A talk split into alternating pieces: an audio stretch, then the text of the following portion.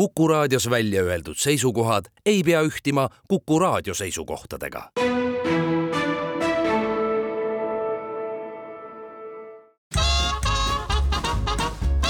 jäljed gloobusel tere päevast, on kahekümnes juuli, kui te meid otse kuulate, Jäljak gloobusel alustab oma viiekümne kuuendat saadet ja täna on veidikene eriline, loomulikult on stuudios jälle Väino Laisaar ja Andres Karu, kuid mitte ainult meie ja tere ka minu poolt ja meil ongi tänane külaline, kelleks on siis paramparabaa Raivo Plumer, kes on mees kui armee nuga ja, ja tema kohta on maailma suures internetis kirjutatud, et tegemist on Eesti alpinistiga ja mägimatkajaga ja, ja lisaks sellele on ta siis tulnud Eesti meistriks mägimatkatehnikas ja mägimatkamises ja, ja lisaks nendele kõikidele muudele asjadele on teinud ära ka eh, kaks üle kaheksa tuhandest mäge. nii, nii on, tere, Raivo. tere see, sa muidugi, ma nägin, et kuidas seljas käis jõnks läbi, kui me noh, kui Väints ütles, on ju, et, et, et sa oled alpinist ja mägimatkaja, et kas sa ise tahaksid seda tiitlit või neid tiitleid kuidagi korrigeerida? mis seal üldse vahet on natuke korrigeeriks. ma olen olnud, ütleme algusest peale, Nõukogude Liidu ajast peale olen olnud mägimatkaja ja, ja kuna siis tehti ranget vahet, kes oli mägimatkajad ja kes olid alpinistid, noh, sinikraed matkajad, valgekraed alpinistid, kes ei tassinud rasket kotti, kellel oli toitlustus, värk, kõik olid olemas, laagrid ehitati Mäkke, aga noh, nimetati, matkajaid nimetati jobaneid turist kes ta mhm. higistab, haiseb, tassib oma rasket seljakotti ja nii edasi. aga noh, tegelikult mina olen selle poole pealt tulnud jah, et alpinistiks ma ei pea kuidagi ennast, ma ei ole kunagi olnud alpi, alpilaagris noh, kliendina. küll sa oled ju tegelikult eh, nii mõnegi alpinistliku marsruudi ju läbinud, olgem ausad olen, olen ja, ja tegelikult oligi, kui Nõukogude Liit hakkas kokku kukkuma, siis tegelikult see, see vahe hakkaski kaduma. ja, ja noh, sealt ma olengi siis tasapisi äh, tunginud ka nii-öelda alpinistide äh, pärusmaale, aga noh, pigem ma nimetaks ennast noh, praegu mägironijaks. Mhm. kuidas see omavaheline läbisaamine üldse alpinistidel, noh, ütleme siis valgekraedel ja siis Jobani äh, turistidel oli? Noh, eks nemad ikkagi vaatasid ülevalt alla päris pikalt. alpinistid siis mägimatkajatele, jah? täpselt, jah, aga no nad olid kõrgemal ka ju vahel, on ju? Nad olid kõrgemal, nad olid kõrgemal, aga see hakkaski muutuma siis, kui äh, kui me hakkasime ka kõrgetel mägedel käima, kui Nõukogude Liit juba kokku hakkas varisema, siis tegelikult need noh, režiimi haarmed nagu lõdvenesid ja, ja lubati ka teistel minna sinna, kuhu muidu ei lubatud teeme kuulaja jaoks natukene selgeks, Nõukogude Liidu ajal oli siis tähendab niimoodi, et äh, ilma, et kui sa ei olnud alpinist, siis sul, sa võisid küll mägedes ringi jollerdada, aga sul ei olnud siis äh, õigust minna tippudesse või, või kuhu see piir tõmmati? Äh, kõigepealt tõmmati piir, et mägimatke ei tohi tõusta kõrgemale kui viis tuhat viissada meetrit mm. -hmm. ehk siis isegi Elbruse tipus ei tohtinud käia tegelikult. aga siis oli vaja teha mingi atesteering või, või kuidasmoodi sa said sellele järgmisele levelile? Äh, sa pidid minema alpilaagrisse ja hakkama, hakkama täitma neid alpilaagri noh, märklaste ja järklaste nõudeid. et siis sa võisid nii-öelda ametlikult neid teha äh, ja siis piir oli niimoodi, et kuna noh, alpinistide eesmärk oli tõusta tippudesse, mägimatkajate eesmärk enamasti oli läbida mingi marsruut, ületada mäeahelikke ehk siis mäekurusid, mis on seal need madalamad lohud tippude vahel ja tippu lubati minna ainult juhul, kui tipp jäi lähemale kui sada viiskümmend meetrit ja vertikaalis ei olnud ta, oli ta vähem kõrgel kui viiskümmend meetrit. nii et kui sa Äh, läksid juba seitsekümmend meetrit kõrgemale, siis äh, loeti juba reeglite rikkumiseks ja võidi näiteks sinu matka mitte arvestada. aga miks see niimoodi reglementeeritud üldse oli, miks sa ei võinud minna lihtsalt, et vaatad, eemal on mäetipp ja hakkad minema, et siis oli kuskil inspektor vahel, kes pani saua ette, ütles, et nii, selle propuskiga sa mees sinna ei lähe?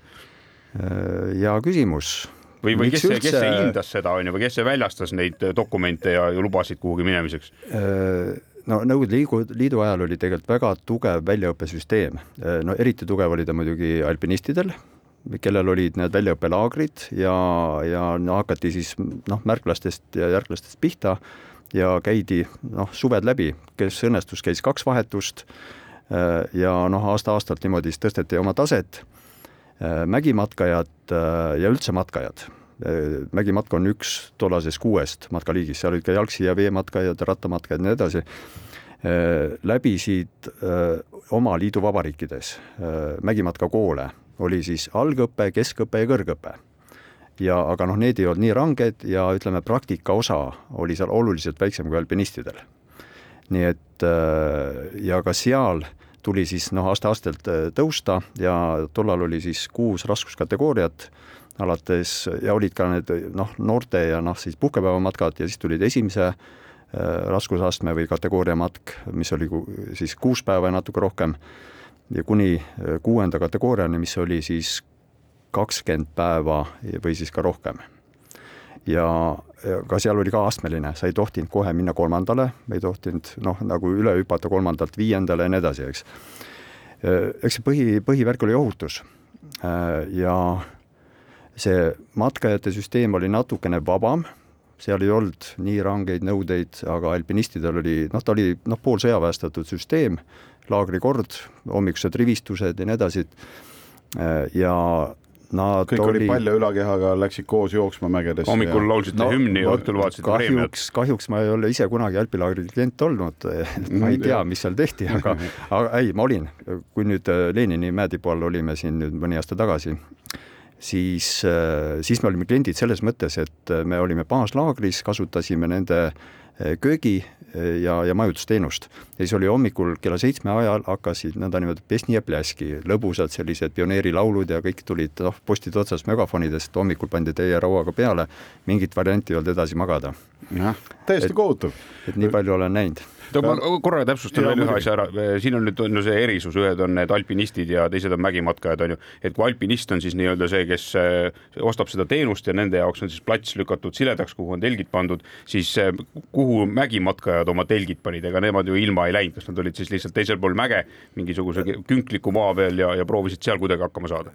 no mägimatkajad oligi niimoodi, kui sa kuskile punkti jõudsid kohale, kus sul see matk algab, võtsid oma koti selga kogu elamisega, kogu toidu ja varustusega ja hakkasid astuma ja, ja kus ära väsisid või kus noh, parasjagu nagu ööbimiskoht sobis, eh, noh, vaatasid, et vett oleks ja, ja oleks siledat pinda, kus telk panna ja no ise vaatasid, kuhu said mm. -hmm.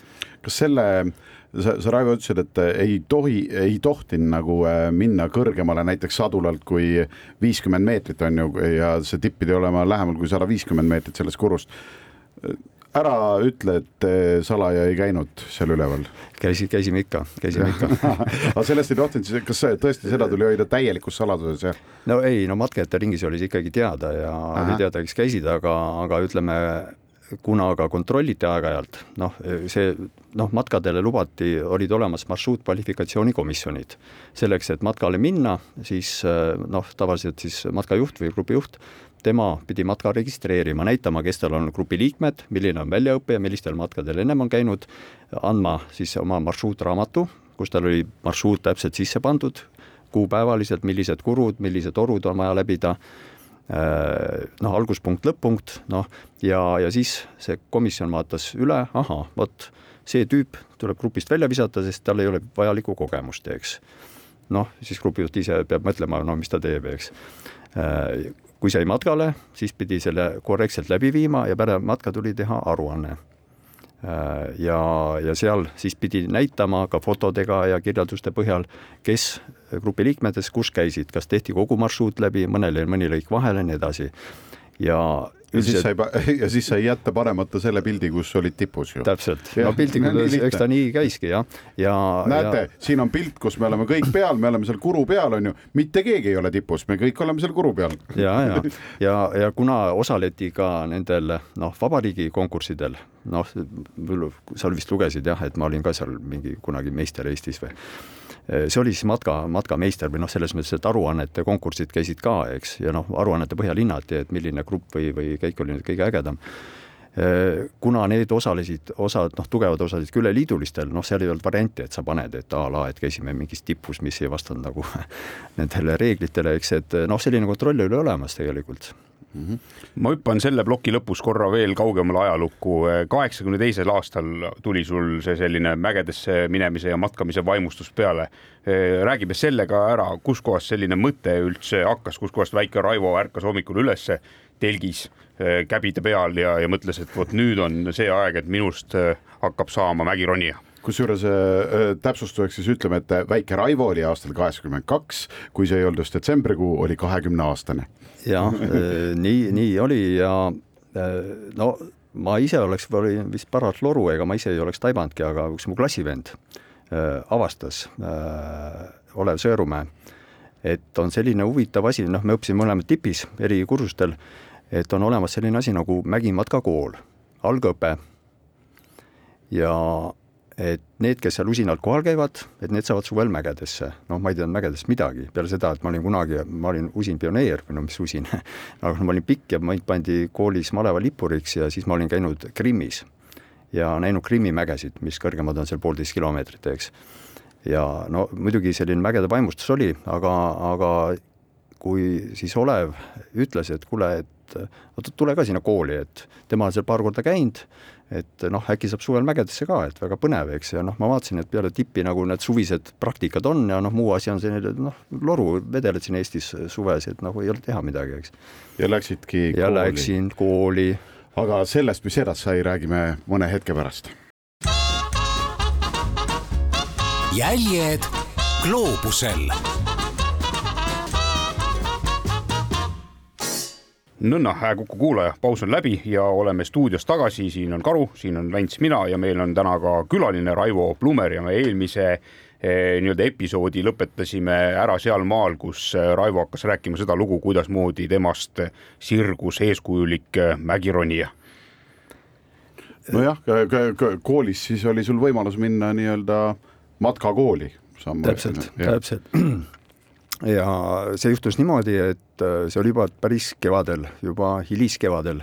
kool hakkas peale veebruaris, ta kestis, uh, ega ma ei teagi, aga umbes a la viisteist loengut, et umbes viisteist nädalat, iga nädal oli siis äh, kaks paarisloengut ehk neli tundi.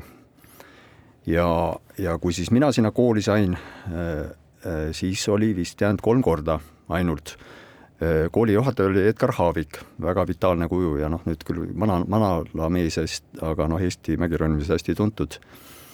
ja tema ütles, et kes ei ole kaheksakümmend protsenti aegas, ajas kohal käinud, see suvel kuskil ei saa, eks. no ma mõtlesin, okei okay,, ma lähen kuulan huvi pärast vähemalt need paar viimast loengut ära ja noh, ega lollimaks ikka ei jää. Äh, ja aga mis mind üllatas, ma mõtlesin, et seal koolis on kõik sellised karvased tursked vennad, tead, kes noh, habemikud ja kes tahavad mäkke minna, eks.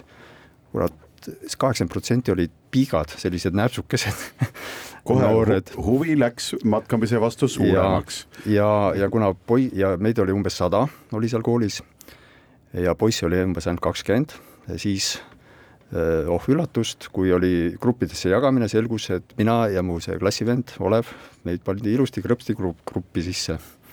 ja, ja olimegi, ilma et me oleks seda kooli noh, üldse normaalselt läbinud ja midagi õppinud ja noh, muidugi eks me saime ikka oma pitsata, saime mägedes kätte ka, sellepärast et me polnud midagi õppinud.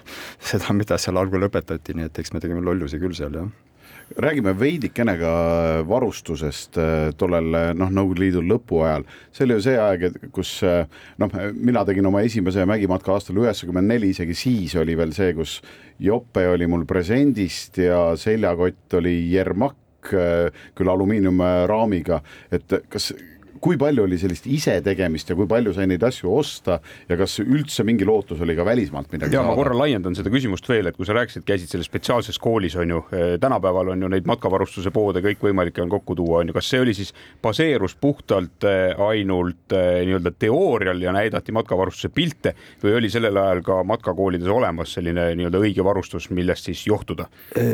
oli olemas ikkagi tollane nõukaaegne varustus, ega lääne varustust praktiliselt üldse ei olnud ja ja tegelikult anti soovitusi, et kuidas seda nii-öelda kehva varustust, sedasama Jermak-kotti natuke mugavamaks teha, eks.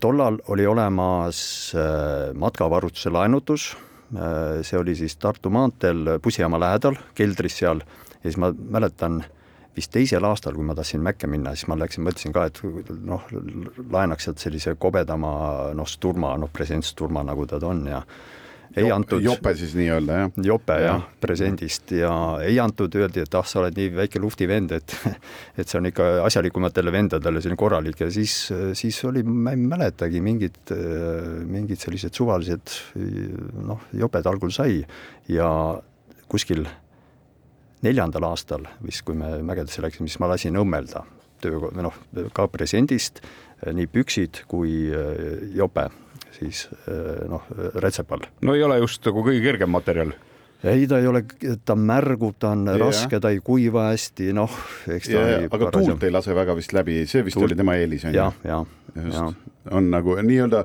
nagu vintstopper, aga noh, niisugune algeline vintstopper, mis ei lase äh,, laseb niiskust sisse, aga välja ei lase. on ju, et kõik, mis keha poolt tuleb, see jääb ka nagu sisse ja, ja... nii, nii ta paraku oli, jah nii et ega see varustus oli jah, paras ja saapad olid sellised, et äh, vahest tehti lõket peale esi-, peale matka, et olid nõndanimetatud kümnerublased saapad, noh, need läksid tavaliselt lõkkesse, äh, kolmekümnerublased Kiievi potased, nendega ikka sai üks kaks-kolm matka ära käia ja noh, kõrgmägedesse läksime, siis olid meil juba sellised seanahast, topeltnahast äh, mägisaapad. ja jõuluvana tõi siis sellised vähe paksemad villased sokid ja käbi. Need oli, ma täitsa kasutasin jah, vanaema ja ema kootud asju. nii et et äh, ega siis poest ei olnud neid midagi osta, jah kampsun oli kaasas ja kõik sellised asjad. no äh, tänapäeval muidugi ka see, et kui teatakse, et noh, on niisugused isetäituvad ja ülikerged madratsid, mis teil külje all üldse oli äh, mägedes käies? tollal sai nüüd mööbli porolooni, noh, selline kahe või kolme senti paksune kiht ja noh, kuna ta on väga vettimaa või märguv, siis tegelikult meil õpetati niimoodi, et võtate sellise suure kilepalaka, joodate selle noh, võeti tavaliselt meetri pikkune niimoodi, et noh, selja ja tule all nagu või noh, tagumiku ja tule all on, jalgadele ei pandud keegi midagi seal mm. -hmm. ja jootsid selle sinna ja siis selline, see oligi siis see madrats. ütleme siis äh, noorele kuulajale, et jootmine tähendab siis seda, et sulatasid ise kile kaks kihti nagu kokku, et tekkis nagu kinnine kilekott siis aga see pikkuse selle. piirang oli siis ikkagi nii-öelda kaalust tulenevalt või, või lihtsalt seda materjali polnud rohkem?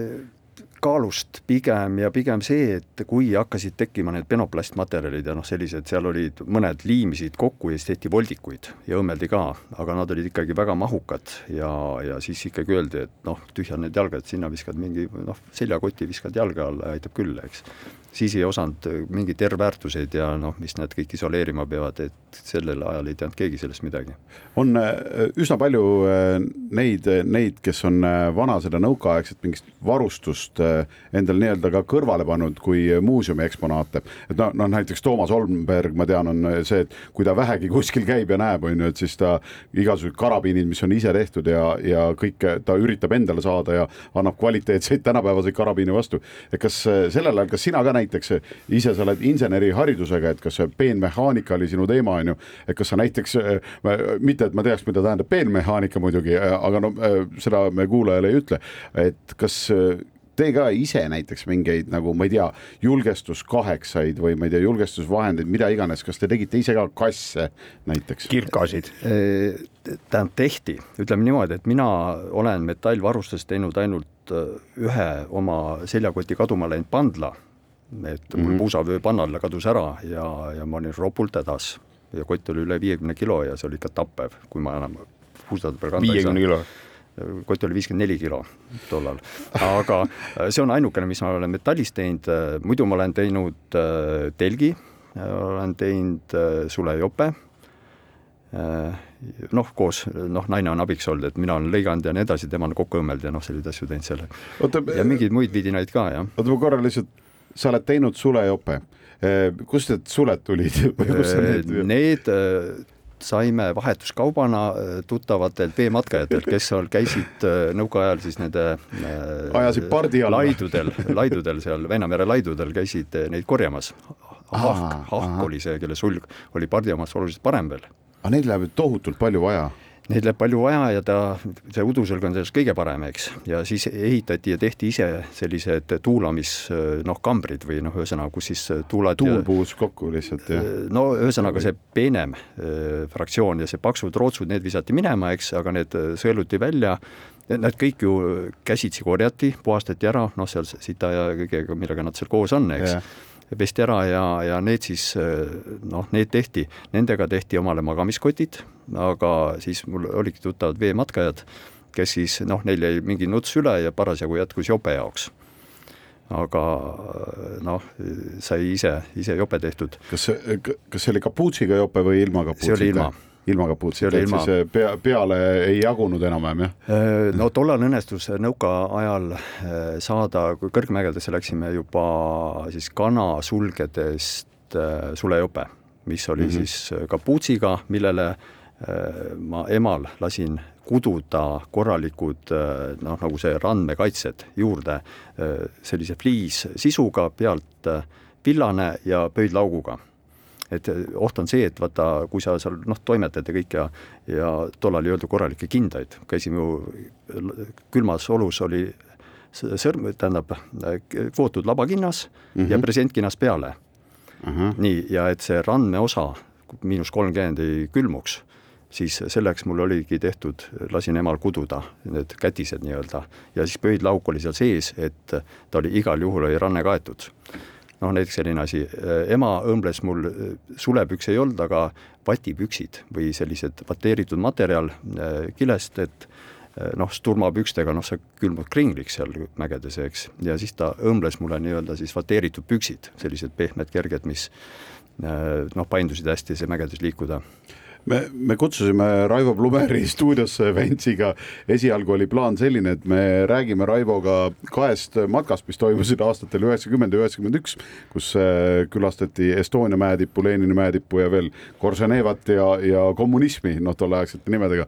aga ilmselgelt on meil väga palju muid jutte enne seda ära rääkida ja tundub, et tänane saade pigem äh, kujuneb selliseks varustuse ja kõige muu juttudeks ja, ja meil ei ole selle vastu absoluutselt mitte midagi. ja meil on nüüd selle ploki lõpuni veel minut jäänud, ma igaks juhuks küsin siia veel selle asja ära, et kuskohas see info liikus, mida sul vaja on ja mida äh, mägimatkaks äh, noh, kasulik on omada. et tänapäeval guugeldad internetist ja kogu see informatsioon on sul olemas, viid õmbleja juurde, ütled tee selline või lähed ostad poest. tollal äh, Nõukogude Liidus anti välja selliseid teatmikke. Samodelnoje turistkoje snarjaženje no,. mis see tõlkes on?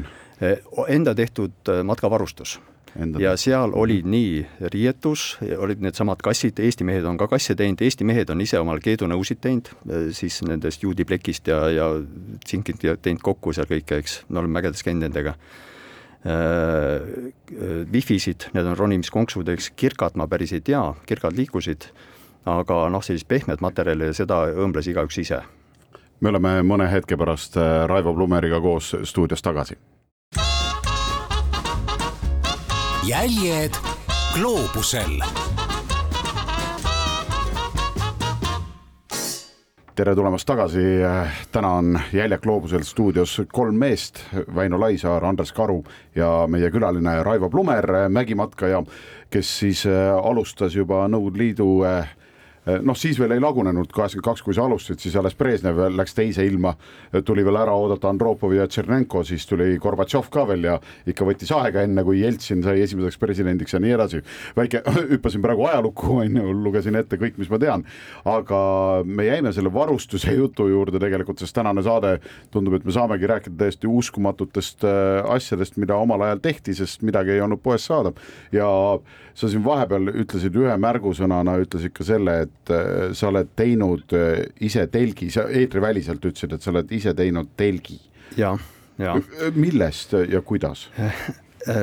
no õmmeldes ikka, mina olin juurdelõikaja, naine oli õmbleja, aga materjaliks oli langevarjusiid ja, ja see peab siis vett või? ei pea.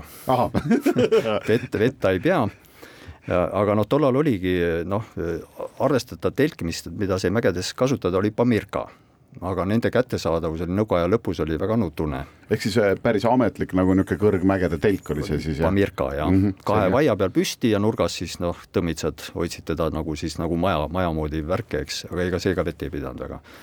nii et äh, aga siis äh, eesmärk oli saada kerge telk ja, ja selleks noh, teatud tüübid käisid, vaata noh, meie seesama Aegviidu polügoon, kus oli ju siis äh, lennu, ta oli lennupolügoon, lennukipommide sihtmärgid asusid seal, nendeks pandi vanad langevarjud, siis pandi sinna äh, soode vahele ja neid siis üritati tabada lennukipommidega ja siis oli neid tüüpe, kes käisid siis seal neid ära pätsamas see on ka hea, me proovisime tabada, aga ei saanud. märki polnud enam. ei olnud märke enam. jah, ja, ja kuna see, need olid madalad langevarjud ja nad koosnesid kolmest osast, tähendab, ülemine kiht oli kõige tugevam, selline tugev, robustne, äh, all oli selline hästi pehme, erksavärviline, mis alt vaadates oli ilus näha, kui hüppa, hüppasid ja vahed olid hästi õrnad, sellised läbipaistvad nagu kardinad, siilud, ühendasid neid omavahel, nii et ta oli nagu madalast langevari ja vot kõik need materjalid sai ilusti ära kasutada. Et äh, telgi katus tuli sellest pealmisest tugevast, küljed ja otsaseinad tulid sellest valgest hästi õhukesest läbipaistvast ja põhi tuli siis sellest alumisest aga see isetegemise matkavarustuse raamat, mis sa siin eelmises plokis mainisid, see oli siis nagu selline mägimatka purda, kus olid juba lõikelehed sees, et kui sa tahtsid hakata ise endale varastatud langevarjust telki tegema, et siis, siis teadsid, millise tüki lõigata. ära ütle varastatud, noh ajutiselt laenatud. no ütleme nii, et no mina lõpp ikkagi ostsin ta, mina pidin selle materjali ostma päris niisama, ega nende vendade risk maksis ka midagi, eks. ja siis ikka varastati, jah, siis nimetame seda varastamiseks. aga, aga tähendab, ei olnud noh, mägimatka kohta, no võis, võis olla täitsa eraldi ka, aga noh, mul on päris mitu neid olemas, neid raamatuid. aga see oli kõikide asjade kohta, igasuguste asjade, aga no ikkagi ise kohendasid ja no minu eesmärk oli saada neljane telk, hästi kerge, ta tuligi, kaalus üks koma üheksa kilo. aga miks neljane? no et äh, kuulsid ju, kui palju tüdrukuid oli seal matkakoolis et äh, no äh, no Pamirka oli kolmene, aga siis oli mõte, et võiks olla neljane, et siis mahub noh, neli inimest, noh, kolmekesi saad ju ka minna, eks, ja kaheksi ka. et noh, telkides oli krooniline puudus kogu aeg. Pamiri matkad, need rasked, kus me käisime, mõlemal matkal oli meil enda õmmeldud telgid ja need ei olnud mitte enam sellised majakujulised telgid, vaid olid kuppeltelgid. ja kõige raskem oli aretada neid kaari, et need oleks miks te õngeritvad siis ju? tehtigi, õngeritvad võeti ja pandi äh, kaks tükki kokku, peenem ja jämedam ots vastakuti, et said ühtlase paindega ja need hülsid tuli ise teha ja kõik see värk, nii et ega see on paras Aa, skeem. ikka, lühemateks juppideks ja siis hültsidega vahepealt oli, et ta saaks nii-öelda teles-, noh nagu te, teleskoobina ja. või mitte teleskoobina, vaid murda kokku nii-öelda. jah, täpselt, aga, aga noh, mingit kummi seal sees ei olnud, eks, et nii, et kui sa lahti tõmbasid, siis ta oli lahti ja Pamiris ka ühe, ühe selle vaia niimoodi ära kaotasime ja siis kombineerisime oma suusakepiga teda kuidagi ja noh, mingid laperdab tuules ja kokku kukkumas seal, eks, et noh, päris jama oli. ehk siis eh, see oli jah, et kuulajad ka aru saaksid, see oli aeg enne seda, kui hall teip oli leiutatud ja, ja nipukad, millega tänapäeval nagu matkadel väga palju küpseid asju saab korda saata ja asju ära remontida. küll pidi ikka olema suur tahtmine sinna mäe otsa minna, kui sa põhimõtteliselt kogu varustuse pidid ise endale eh, tegema, on ju. Eh, me oleme Raivo sinuga teinud eh, hulga erinevaid matkavarustuse videosid ja ühe korra me rääkisime sinu seljakotist Eh, mis oli ka vist tehtud sellest samasugusest eh, langevarju materjalist, aga ilma igasuguste tugedeta ja, ja sellega sa siis läksid oma esimesele suurele tõusule jälle seljas rohkem kui viiskümmend kilo. jah, tähendab õnnestus osta nõukaaja lõpus hakati valmistama neid uuendatud Abalakovi seljakotte, mille maht oli umbes sada liitrit, aga mis olid ropult rasked. koos raamiga, neil tehti ka väike metallraam, kaalus ta üle nelja kilo. Ja eh, esimese Pamiri matka ma käisin sellega, siis mul oli selge pilt, et ma edasi enam minna ei taha.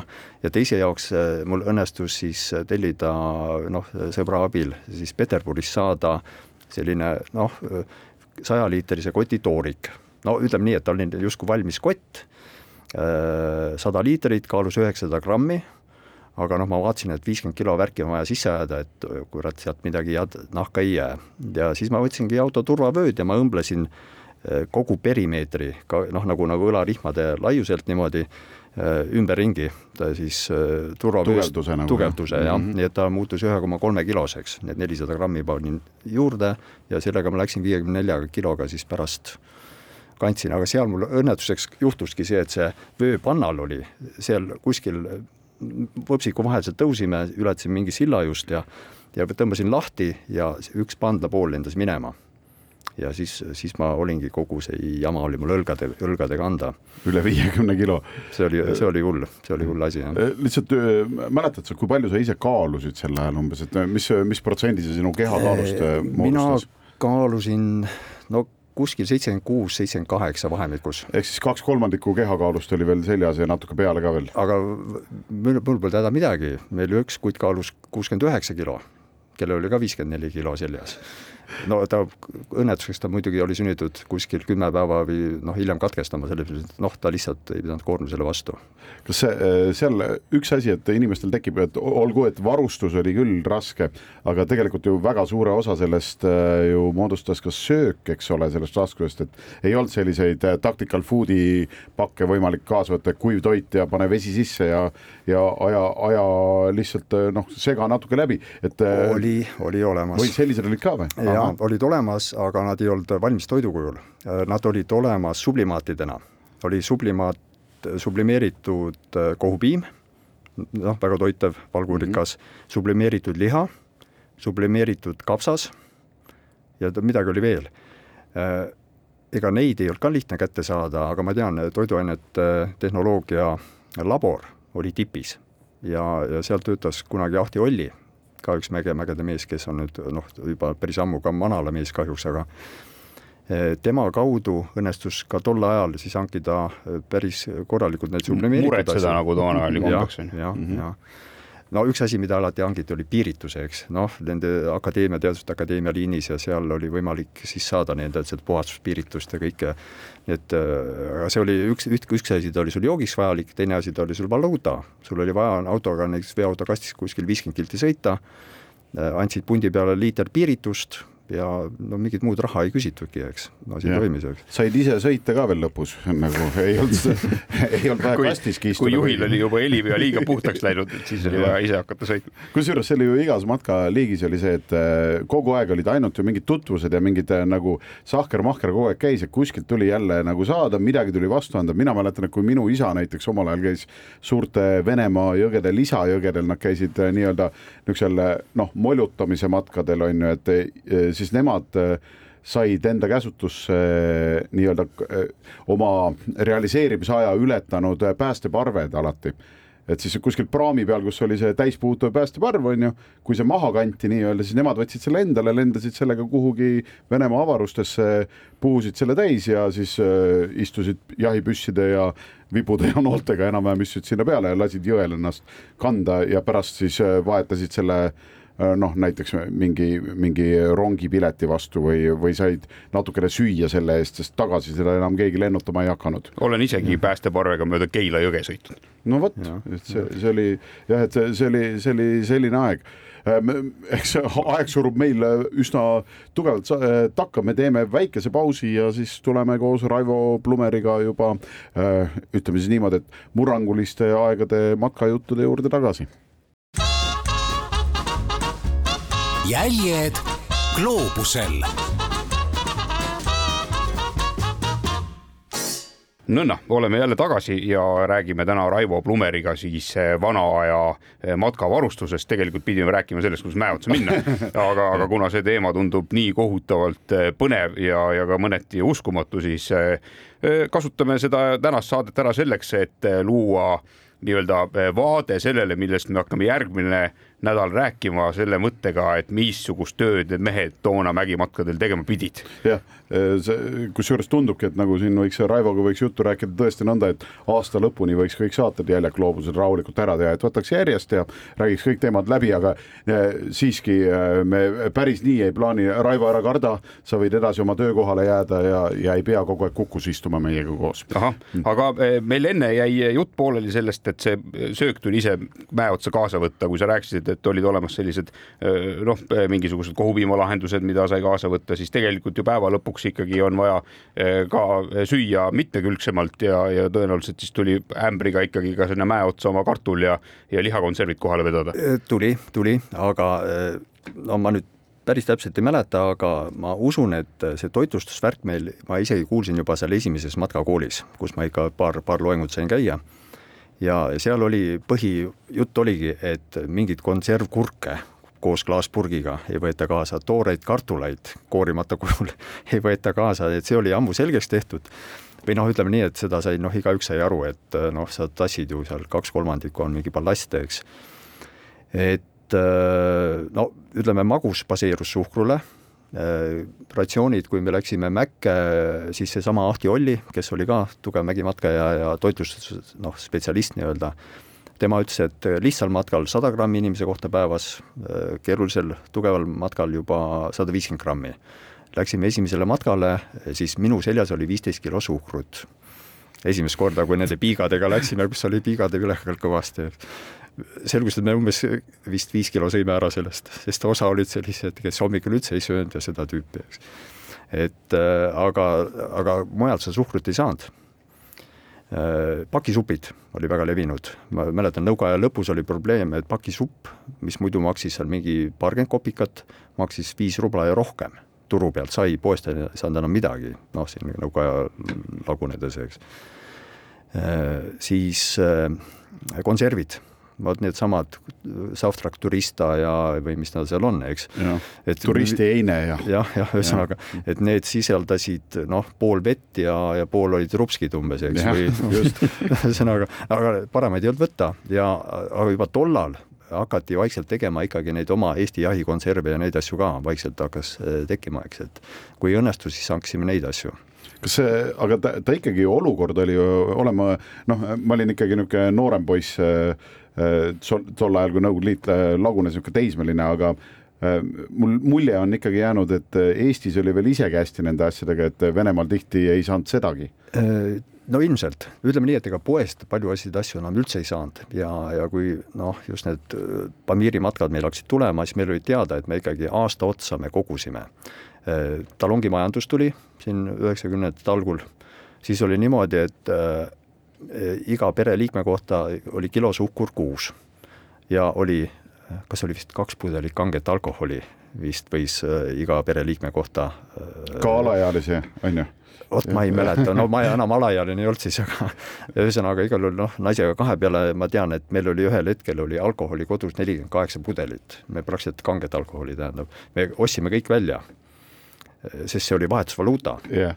selle vastu lähetasid, vahetasid suhkru vastu. Selle vastu said tikke, said seepi, noh, ma ei tea, mis asju seal oli, eks, et noh, ta oli jälle nagu naturaalmajandus, eks. et ja siis niimoodi aasta otsa kogusime ja siis saime matkaajaks, saime noh, selle jälle varustuse kokku niimoodi no üks varustus, mida kokku pidi saama, oli kindlasti ka see, et millega sa seal mäe otsas selle toidu ikkagi söömiskõlblikuks teed, on ju. et minul on igavene hulk kaasaegset eh, neid matkapliite ja värke ja, ja see minu kogusse kuulub ka paar eh, sellist eh, nii-öelda retropiiti, mis on tegelikult ikkagi noh, niisugune tõsine antel, kui sa selle käe otsa tahad võtta. et, et kuidasmoodi see kõrgmäestikus toidu tegemine käis, sest ega ju lõket ei tee ja puid ei ole. ilm on tõenäoliselt kole, aga, aga kuidagimoodi oli sooja vett vaja saada no minu ajaga oli juba suhteliselt hea, kuna oli olemas smellid ja neid oli ka siis mitu mudelit, nii et need täiustati pidevalt ja olid ka isegi sellised, kus olid kaks smelli olid kõrvuti, kaks põletit ühe, ühe ballooni peal, mis kaalus, kuramus, ma ei tea, ikka tühjalt juba kaalus mingi paar kilo vist.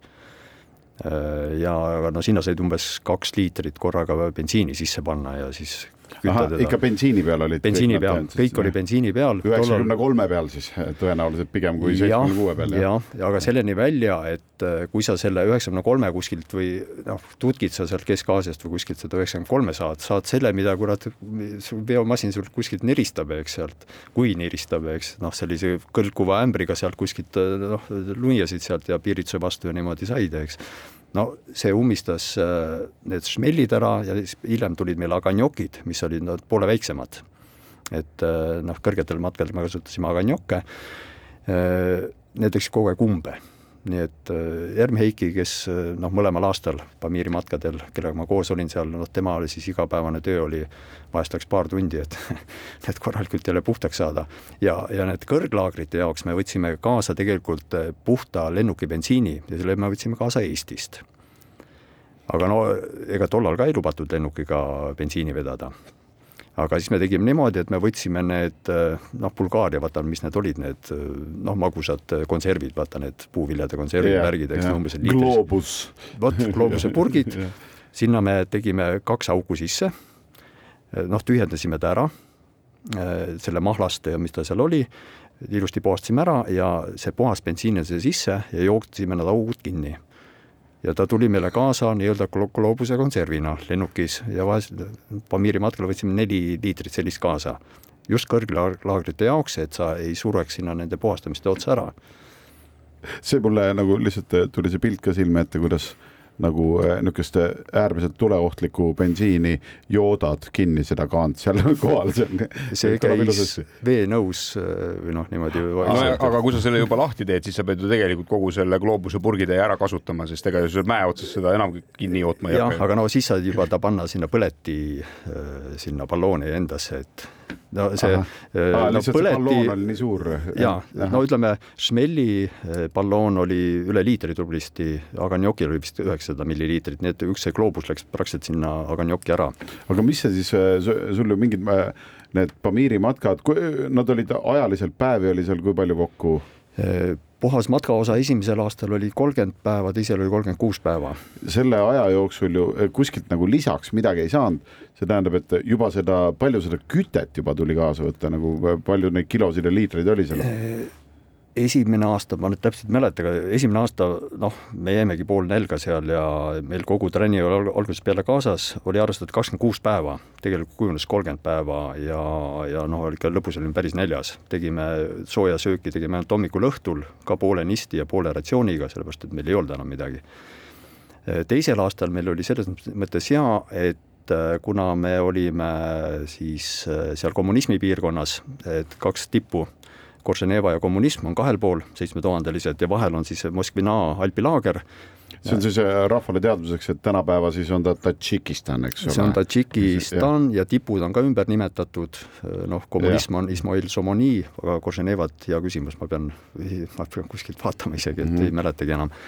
Äh, ja seal oli rahvusvaheline alpilaager ja kuna seal oli alati eestlasi ja seal olid ka kokkadeks olid eestlased, nii et äh, teisel aastal, üheksakümmend üks, äh, äh, ja kuna Helme Suuk oli seal ühe alpinistide pundiga, kes olid siis nii-öelda alpilaagri kliendid, no sealt noh, neid on, neil on väga rikkalik laud, laud seal kaetud, nii et nemad selles nii-öelda tšikitid sõid vähem ja omameestel oli vähe rohkem.